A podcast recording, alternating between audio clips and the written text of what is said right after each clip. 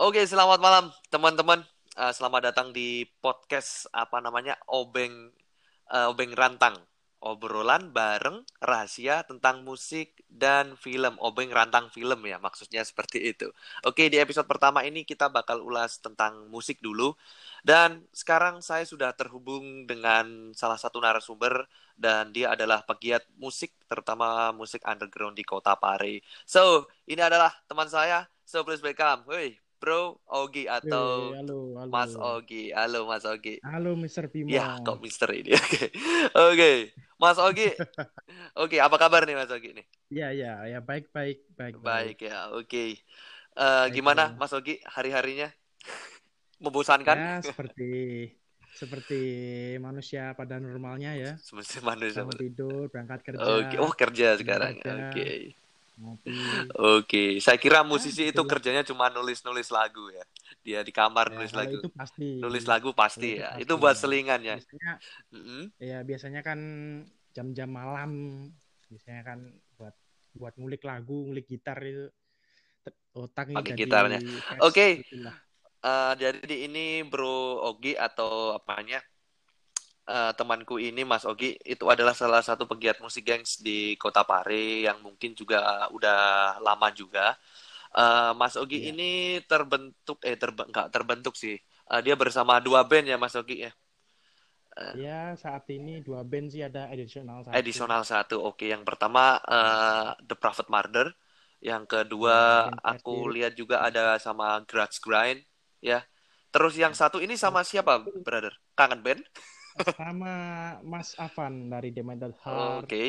Oh, the oh the part itu. Oke, okay. jadi yeah. for your information uh, teman-teman jadi Mas Ogi ini juga sudah punya band selingkuhan selain band aslinya yang dua itu tadi bersama Mas Avan The, yeah, uh, The Mental Heart ya. Oke. Okay. Ya, ya betul sekali. Emang kalau emang uh, saya dengar-dengar uh, orang-orang Pare itu cuma apa ya muter personilnya untuk bikin band. Eh, iya. itu itu aja gitarisnya ini, eh, ketemu ini. Limitnya personil. Eh, iya, limitnya sumber daya manusia mungkin ya Mas Ogi ya. iya, iya. Oke, Mas Ogi, di sini aku mau mengajukan beberapa pertanyaan nih tentang uh, Mas Ogi okay, sih. Uh, di sini juga Mas Ogi kan seorang apa ya gitaris nih, seorang gitar player ya. ya. Oke. Okay. Jadi uh, sejak kapan sih Mas Ogi itu apa ya mungkin mulai belajar bermain gitar terus mulai tertarik uh, sama dunia gitar? Uh, untuk pertama kali itu hmm. saya pada waktu kelas sekitaran kelas 6 SD kalau nggak salah. Oke. Okay. Jadi di situ saya dulu kan tinggal di asrama itu kan, hmm. tinggal sama orang tua itu di asrama. Uh, kebetulan tetangga saya itu uh, setiap sorenya itu ya uh, sering bermain gitar. Jadi hmm. jadi setiap sore itu saya denger tetangga saya itu uh, main gitar. Jadi kayak saya uh, dengernya itu kayak oh, kayak ada ketertarikan gitu kayak penasaran oh, kok bisa ya main gitar ini ini. Nah, itu uh, dalam kurun waktu ya sekitaran mau lulus hmm. SD. Oh, iya. Jadi saya uh, sering main ke situ gitu ceritanya. Oh gitu. Jadi saya lihat. Jadi teman saya. Uh -uh. Teman saya gitaran gitu, gitar aku. Oh gitu. Jadi. Jadi mulai itu tertarik ya. Jadi dasarnya emang apa ya? Enggak itu ya? Apa dari keluarga mungkin enggak emang dasarnya? Oh, dari keluarga saya malah enggak ada. Enggak ada ya. Oh, Oke. Okay. Jadi. Apa? Jadi, jadi yang paling underground di sini cuma Mas Ogi aja ya, saya keluarga di ya, sini. Dulu, dulu belum underground. Belum sih. underground. Dulu masih ya kan akustik lah. Oh, aku akustik ya. Akustik. Ya, kita roblong itu. Ya dari situ saya tertarik. Uh, jadi saya uh, setiap main ke situ saya minta belajar gitu kayak gini-gini ya kunci C G oh gitu. C G C G C G kunci wajib. Terus itu ya apa namanya nyetem gitar pakai lagunya Peter Pan. Aduh itu ya, fase-fase belajar gitar bisa. banget ya. Deng deng deng deng iya, pasti. Oke. Oke jadi Bro Ogi ini juga punya apa ya kayak punya idola nggak? Untuk maksudnya panutan untuk bermain gitar. Oh aku dulu ngidolain ini ini ini ini gitu. Kalau kalau dulu sih sebelum saya underground itu ya gimana ya lokalan aja sih dulu saya sering uh, dengerin ya musik-musik band-band pop dulu lah band-band pop oke okay. uh, sebelum merambak ke underground hmm, gitu okay. jadi itu jaraknya udah lama sih saya uh, masukin apa karena underground itu waktu SMA gitu. Oh, oke. Okay. Saya dari dari situ waktu SMA itu barulah belajar hmm. underground gitu. SMA gitu ya. Berarti iya, mulai. berarti pas udah bisa belajar uh, udah bisa main gitar pas waktu SD itu uh, masih latihan lagu-lagu pop gitu ya sampai SMP gitu ya, ya perjalanannya. Pop gitu jadi okay. masih masih belum dengerin musik-musik oh masih ekstrim Iya, gitu. Oh, okay. Jadi mulai SMA sih. Mas, oh. Uh, bukan sih, mulai dari dari mulai kelas 9. Kelas 9 tuh ada uh, dulu sempat lihat eventnya LA. Oh, L. Oh, uh, itu.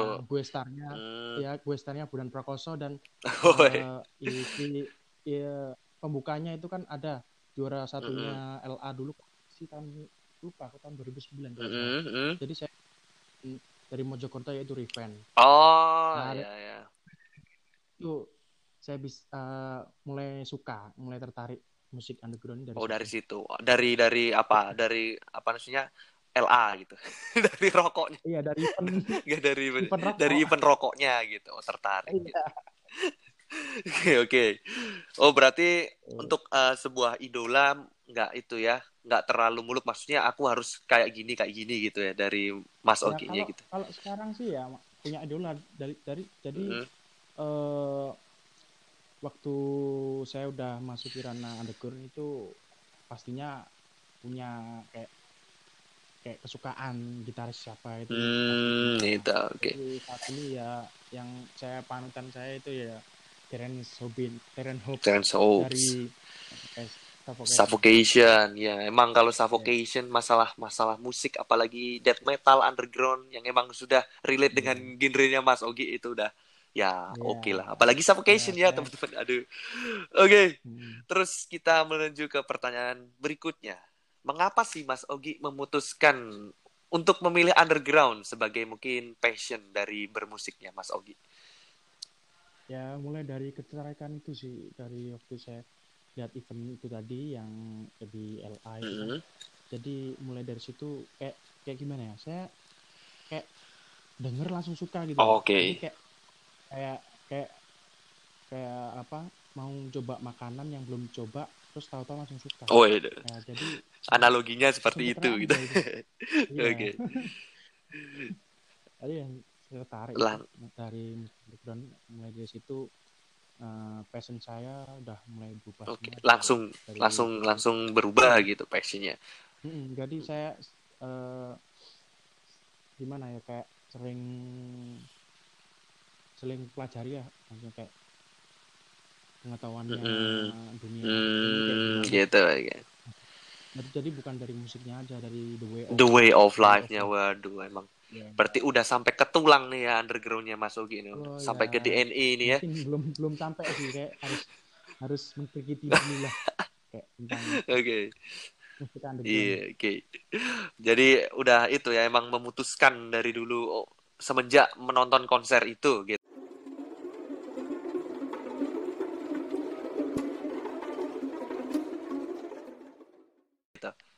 Oke, okay. dari, dari situ langsung oh langsung suka. Oh, musik underground ternyata diulik tuh asik juga gitu. Asik juga menantang. Oke, okay. menantang ya. menantang. Iya. Oke. Okay. Kan uh, Mas Ogi ini apa ya? menggawangi atau mungkin masuk dalam dua band, dua band inti ya. Yang satunya kan selingkuhan tuh. Yeah. Mungkin juga dianggap ya tiga lah. Mungkin yang dua ini yang yeah, membesarkan namanya Mas Ogi. Yang pertama itu ada The Prophet Murder. Betul uh, The Perfect Murder iya. itu yeah. death metal ya. Uh, brutal death ya, brutal, yeah, brutal, brutal death iya, metal. Yeah, death. Yang yeah. saya dengar kemarin emang band The Perfect Murder ini uh, sempat dirilis album terakhirnya tuh dirilis sama Kematos Music yeah. USA ya. Bener yeah. bener waduh sampai album USA. Kedua Manifestation dirilis oleh eh, iya. US. Itu tahun 2019 ya, bener ya? Tahun 2019 pertengahan pertengahan Juli. Juli. Okay. Mei kalau nggak Juni ya saya okay. lupa. Mei kalau gak Juni lupa. Oke, aku aku lihat dari segi artworknya, aduh keren banget nih.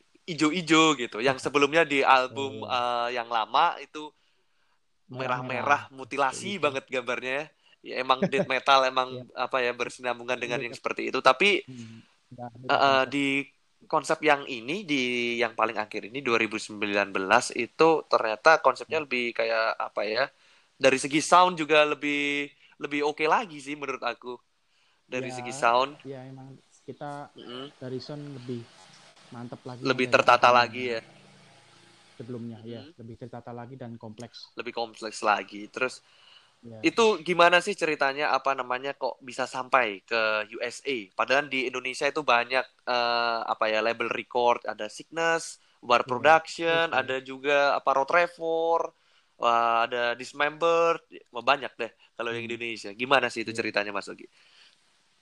Uh, gini, uh, dari sebelumnya kan album pertama saya kan dirilis oleh label dari Tangerang kan Mm -hmm. Nah, dari tahun ke tahun dari 2015 itu album pertama. Dari ta dari mulai dari situ sih saya melihatnya kayak uh, banyak banyak band Indonesia itu gimana ya?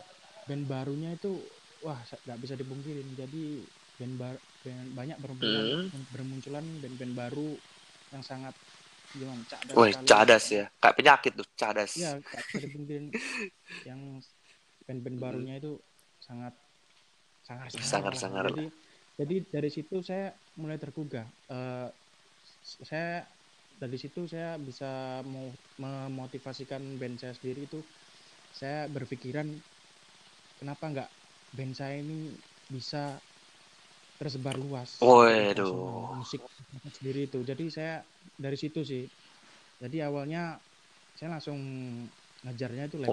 Okay. Mm. Iya, jadi label beberapa label luar itu saya email. Jadi saya oh, email, okay. saya kirimin mm. yang kebetulan kemarin tahun 2017 saya ngeluarin mm. promo, saya kirim lagi. Oh. Jadi saya kirim dari beberapa label luar negeri lah, mm. baik dari Jepang, uh, Jepang itu dari Jerman juga pernah. Jerman, wes. Ya itu terus uh, sama ya salah satu itu sendiri Komatos hmm, Oke. Okay. Ya dari situ langsung uh, ownernya Komatos Musik Mr. Steve, Steve hmm. Green itu langsung tertarik sama musiknya Live okay.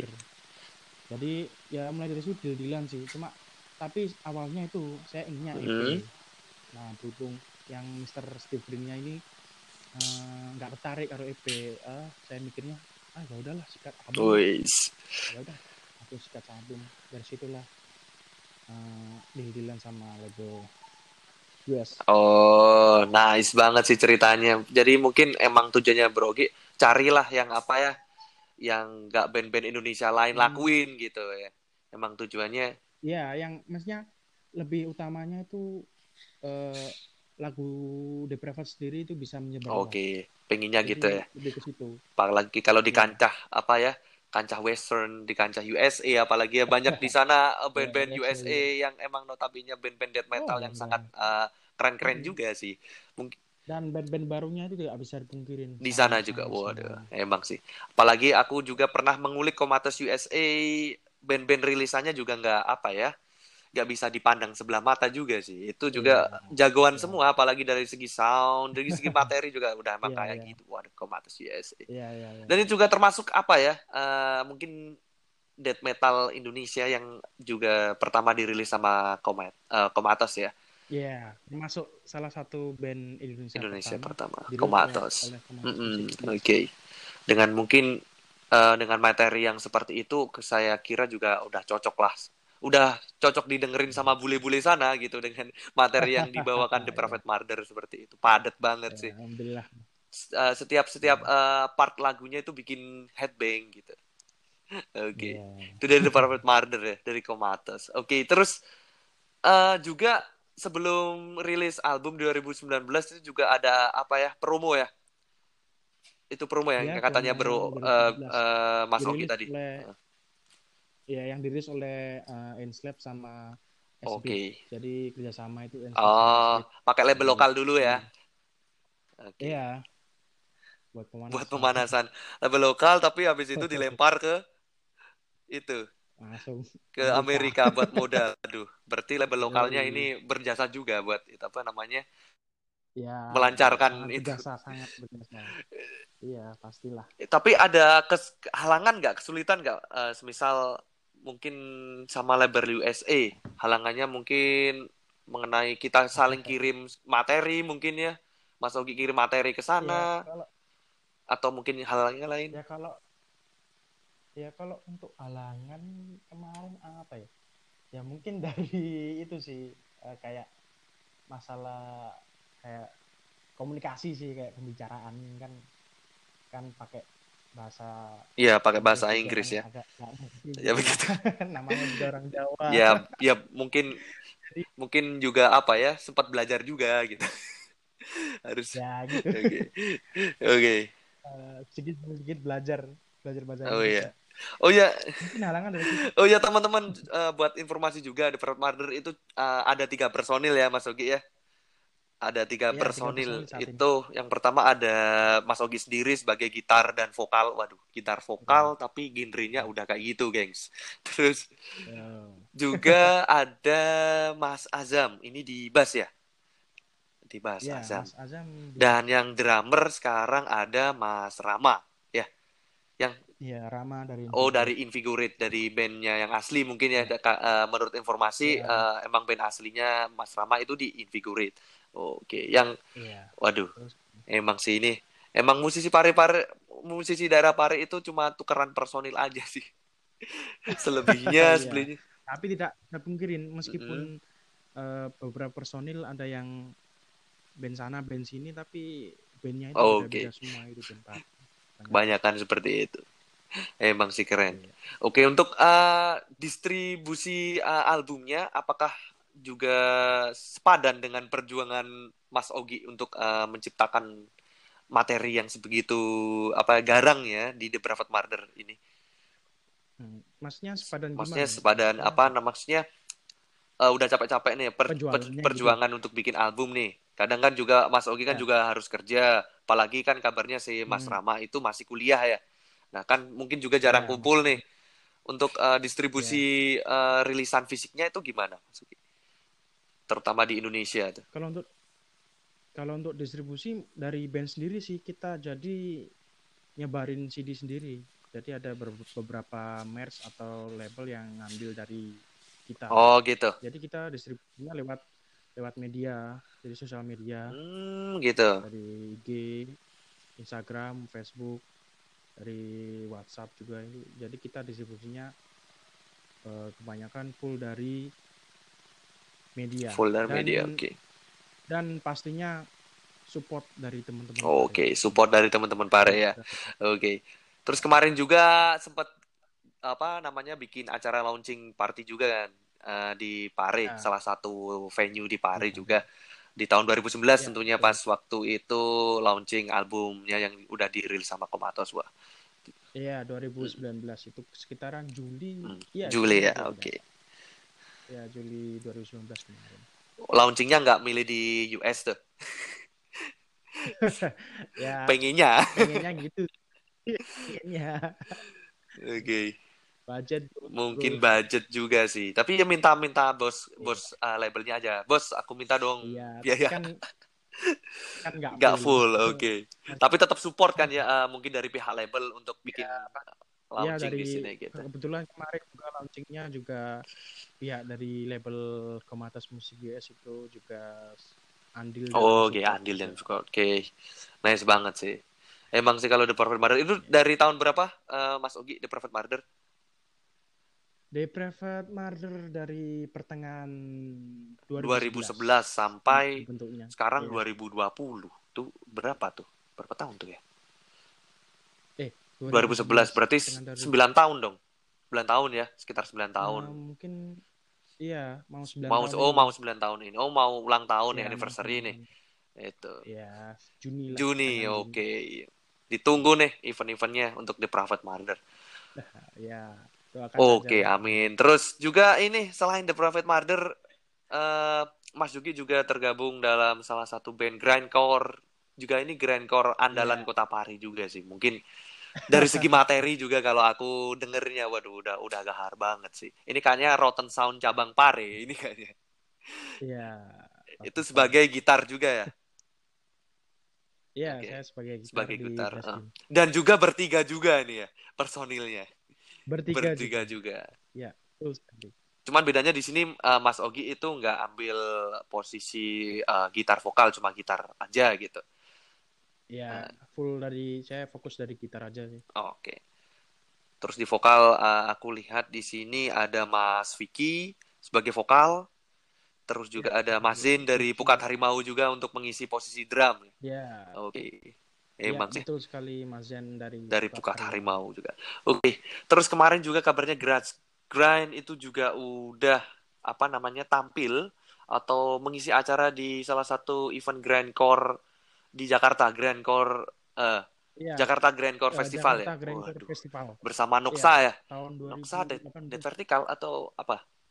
Ya, no, uh, bukan bukan. Uh, ini uh, Dead Vertical, oh, mesin tempur, juga. Oh, itu. Yeah. Udah sama band-band itu ya, cadas-cadas lain, terutama di bidang apa namanya grindcore. Yeah. Itu ya mm. sangat mm -hmm. apresiasi sih main di situ. Uh, eventnya keren sekali event grindcore menurut saya event grindcore paling besar maksudnya bukan paling besar mm -hmm. kayak paling, paling gahar ya uh, di Indonesia Ya, Apalagi Jakarta, ditaruh di Jakarta ya pusat ibu kota. ya. Jakarta Grindcore ya, Festival. Oke. Okay. Yang kemarin sebelumnya emang tahun kemarin itu juga dari Pari juga kabarnya Mas Uki ya. Uh, dari Pukat Harimau terus sekarang nyusul ya. uh, dari Graz Grind juga mewakilkan mungkin dari kota Kediri ini uh, mewakilkan apa namanya musisi grindcore untuk tampil di Jakarta Grindcore juga. Ya. Oke, itu gimana nih ceritanya? Maksudnya uh, Eh, cerita-cerita Mas Ogi selama di sana bertemu dengan para mungkin yang lebih lebih posisi lebih pengalaman gitu. Oh banyak di sana banyak artis. Banyak artisnya. Waduh. Jadi artis artis artis, artis, artis sinetron atau artis musik nih. artis artis, artis, artis musik. Oke. Okay. Banyaklah ketemu hmm. di sana dari soalnya Sedempur. Sedempur ya soalnya ya vertikal jadi kumpul jadi kumpul satu di situ oh berarti udah bisa itu ya bisa lihat wajah aslinya mesin tempur itu siapa sebenarnya jangan dipocorin ya nanti ya, kita kena kena tahu nanti kita kena itu jangan nanti jangan dibocorin nanti kita kena apa namanya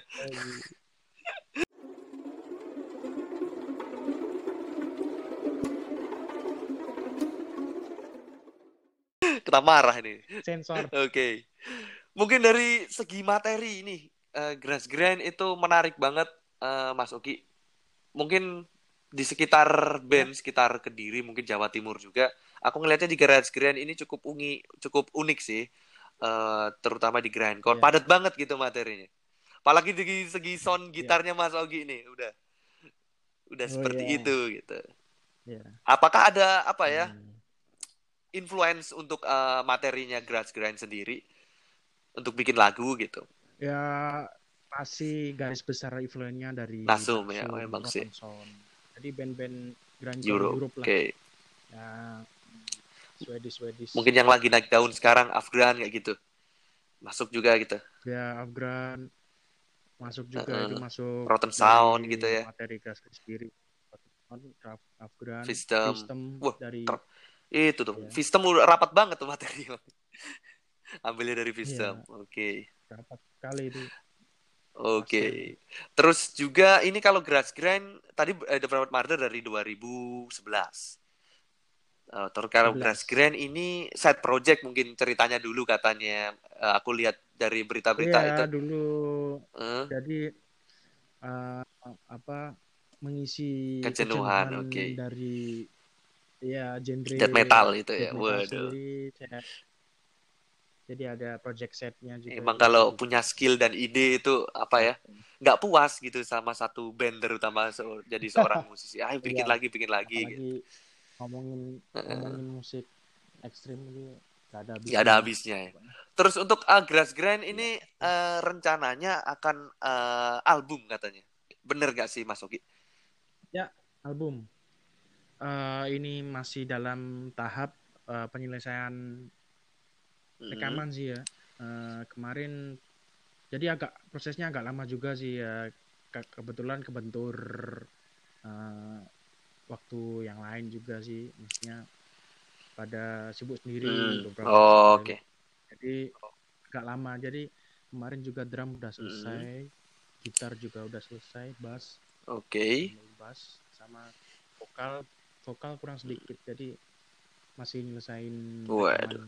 Masih berprogres terus nih ya. Ya, insya Allah insya Allah tahun 2020 ini Selesai ya. Oke, ditunggu nih Grand. Apakah mau dilempar ke label ataukah pakai label pribadi label sendiri?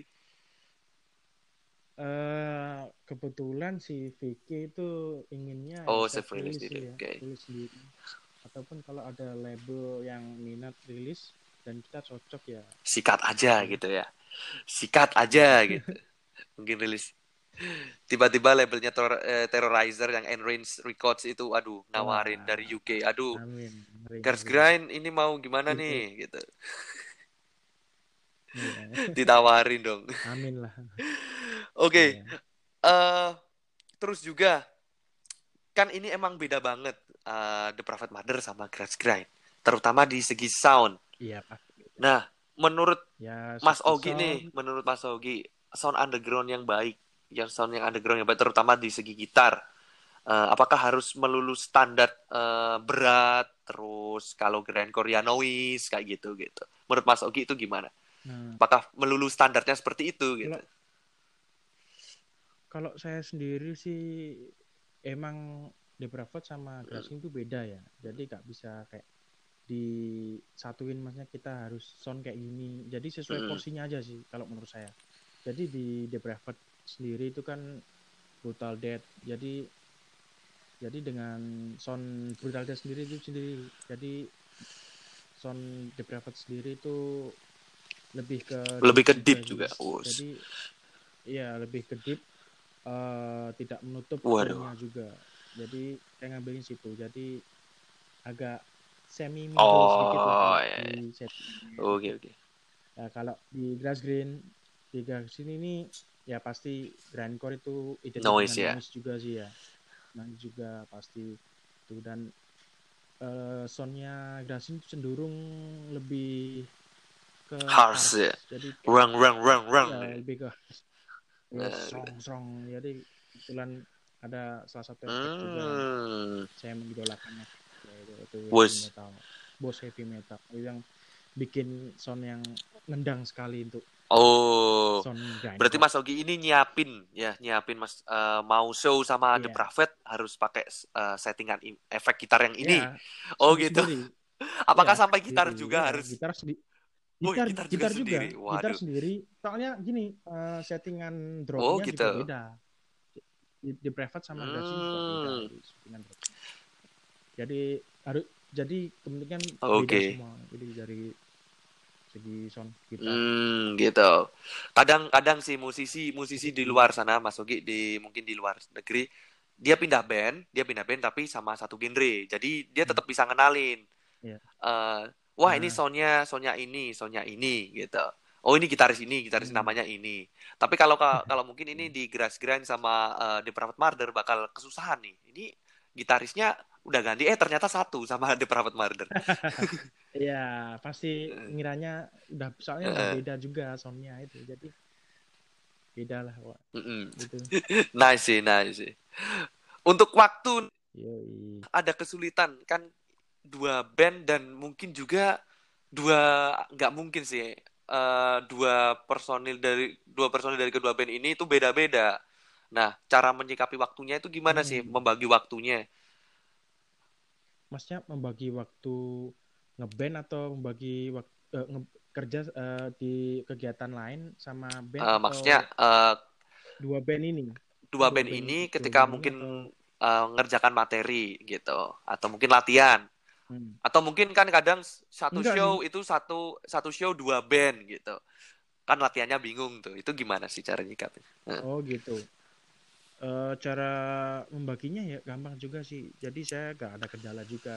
Jadi mana yang duluan, mana yang duluan buat latihan gitu. Jadi saling anu juga sih membagi juga. Jadi kayak latihan du- dulu mana juga. oh gitu Untuk show-nya juga kan nggak pasti dalam waktu yang sama kan nggak pasti juga kan pasti ada Hmm. di satu uh, dua band satu show kan ada Oh, iya. juga kan jadi nggak sa- jadi nggak ada Nggak ada kendala, kendala ya? selama ini Ya, emang kita nur Iya, kalau betul. nuruti passion itu ya. untuk pembuatan ya pembuatan album juga nggak ada kendala juga jadi soalnya kan eh, giliran juga sih dari The Private sama Grass Grind juga itu dari dulu kalau bikin materi itu eh, Antri. gitu. Waduh.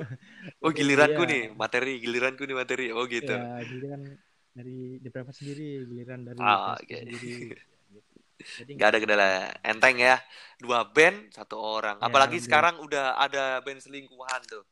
Sama Mas Avan Demented Heart. Yang juga juga sama-sama Iya. dari Pare juga sih Demented Heart juga. Departed juga dari Ya, Pare. dari Pare.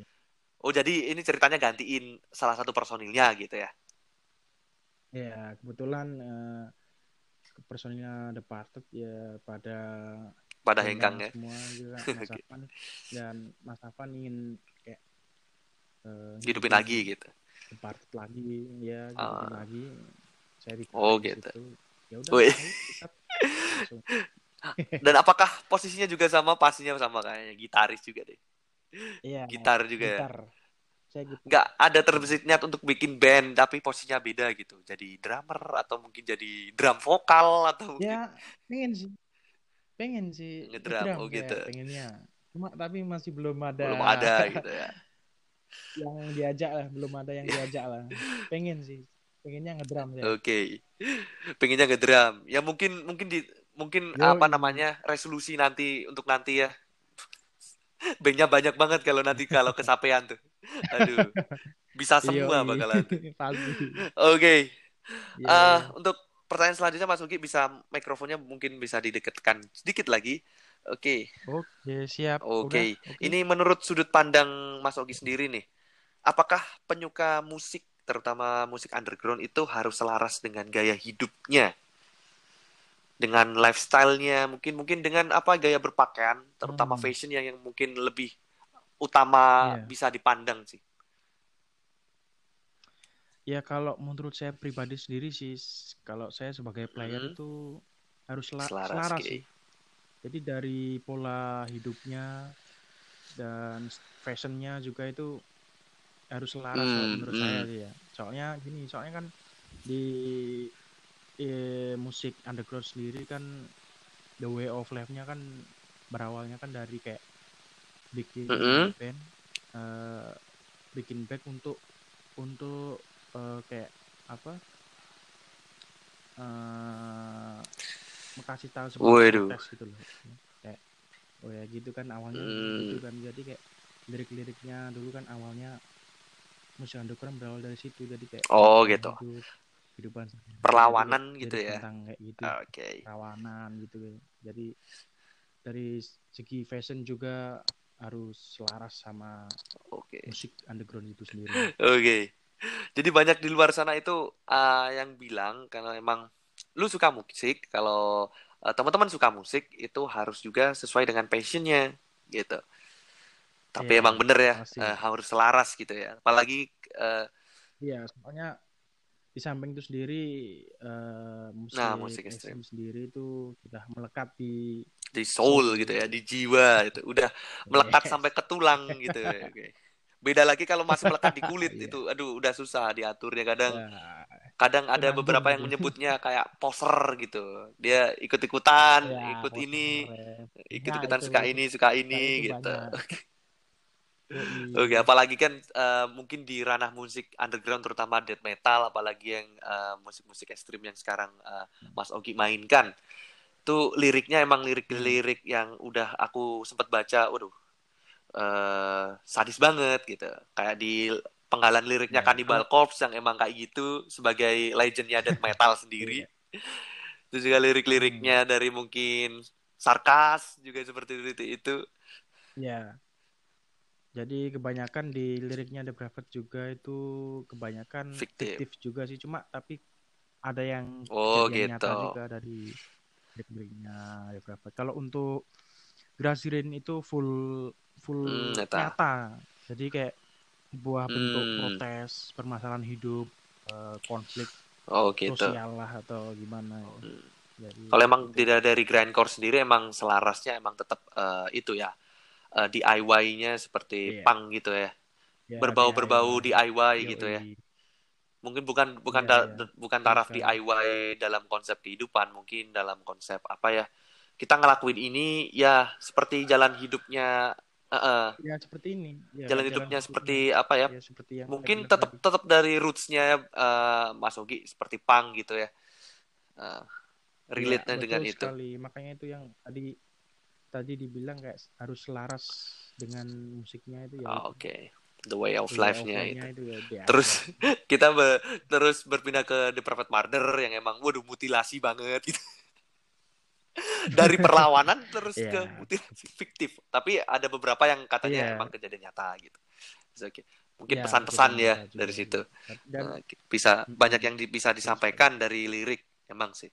Emang aku lihatnya juga dari eh, Iya. musik-musik yang bukan label-label mayor ya. Eh, lebih le- ngena sih liriknya daripada Hmm. yang label-label yang udah mayor gitu. ya, ya, kebet- kebanyakan Hmm. gitu juga sih. Oke. Terus ini mungkin bakal menjadi apa ya? eh bukan pertanyaan sih, mungkin eh, ajakan terakhir dari aku. Juga bu, juga termasuk pertanyaan Hmm. juga sih kalau menurut aku. Ya. Terus ini juga ada Gimana? Adminnya Openg Rantang nih. Oke. Di sini ada nih eh, rekomendasi playlist lagu underground buat penikmat musik menurut menurut sampean, menurut eh, Mas Ogi. Mungkin dari segi death metal juga bisa, dari segi eh, eh, apa ya? grindcore mungkin juga mungkin genre-genre lain yang ada di Grindcore dalam ya. naungan underground gitu. Hmm. Rekomendasi. Eh, kalau rekomendasi playlistnya itu ya yang, yang pertama itu dari death Suffocation. Suffocation Oke. judulnya eh, Begin Oke, Begin of, of So- Sorrow Oke, Bikin of Sorrow. Oke. itu ya, itu nomor yang kedua dari Discord ya Aduh, discourse. Oke. Yoi. terus yang ketiga hmm, apa ya Eh, dari Rotten Oh, ini di Sound, grindcore nih. Yang Rotten Sound. Oke. ya Hmm. yang berapa ini tadi keempat ya Keempat. Oke. lupa Aduh. Ke- keempat Eh, keempat apa ya Eh, ini nih Eh, underground underground semua ya? ah, underground Eh, yang keempat eh, dari Brujeri. Oh, Brujeria. Brujeri. Waduh, ini Iya, waduh. Brujerismo. Meksiko nih ya. Ah, itu Oke. wajib lah. Anak-anak underground ini wajib lah dengerin musik Brujeria. Denger sambil pakai masker gitu. Brujeri Oh. sih emang. Sangat Sekali. Oke. Dan yang kelima dari Dying Fetus ya, Grotesque Mm-mm. Impalement. Lagu Sejauh Umat, tapi enak. eh, Kalau dari emang Yoi. em, mungkin kalau sering apa ya teman-teman juga suka musik-musik selera death metal yang mungkin lebih banyak beatdown-nya mungkin bisa lihat nih. Nggak nggak lihat sih. Hmm. Denger Dying Fetus juga juga mungkin ada Suffocation juga mungkin ya mungkin eh, bau-bau New York-nya masih Yoi. terasa di situ. Ya, New York death New metal gitu. Metal. Oke, itu tadi adalah apa namanya rekomendasi playlist lagu underground buat teman-teman dan juga buat teman-teman yang dengerin. eh ini adalah rangkaian eh, episode pertama dari saya di eh, akun atau mungkin channel podcast Obeng Rantang, obrolan rahasia tentang musik dan film. Ob- Obeng Rantang musik film. Nah, maksudnya seperti itu. Oke. Terima kasih eh, Mas Ogi atas waktunya yang sudah diluangkan Ya, untuk sama-sama. eh, Obeng Rantang. Eh, sukses terus untuk Ya. apa bermusiknya dan juga berkarya. Aku tunggu Ya, mungkin amin, al- amin, album amin. yang bakal Amin. upcoming nih kayak Grudge Grind tadi ya rencananya. Oke, Oke, aku bakal ditunggu, tunggu nih ditunggu. eh, albumnya. Terus juga mungkin di Private Murder ada rencana lagi bikin album. Tahu-tahu udah tur Amerika Ya, bakalan nanti ya. Amin. Amin, ya, amin. Dim- Diam-diam lah Dim-dim ke ke Amerika. Amerika. Nyamperin bosnya doang tapi nyamperin bosnya kayak Matos. Tapi nggak tur tapi cuma nyamperin. Ya mungkin bisa kan saya. Amin ya kesampaian ya. Amin. Sowan. Oke juga terima Amin. kasih buat teman-teman juga yang udah dengerin podcast um, mungkin pada kesempatan kali ini. So, ditunggu lagi untuk episode keduanya di Obeng Rantang. See you at the next episode. Okay, bye.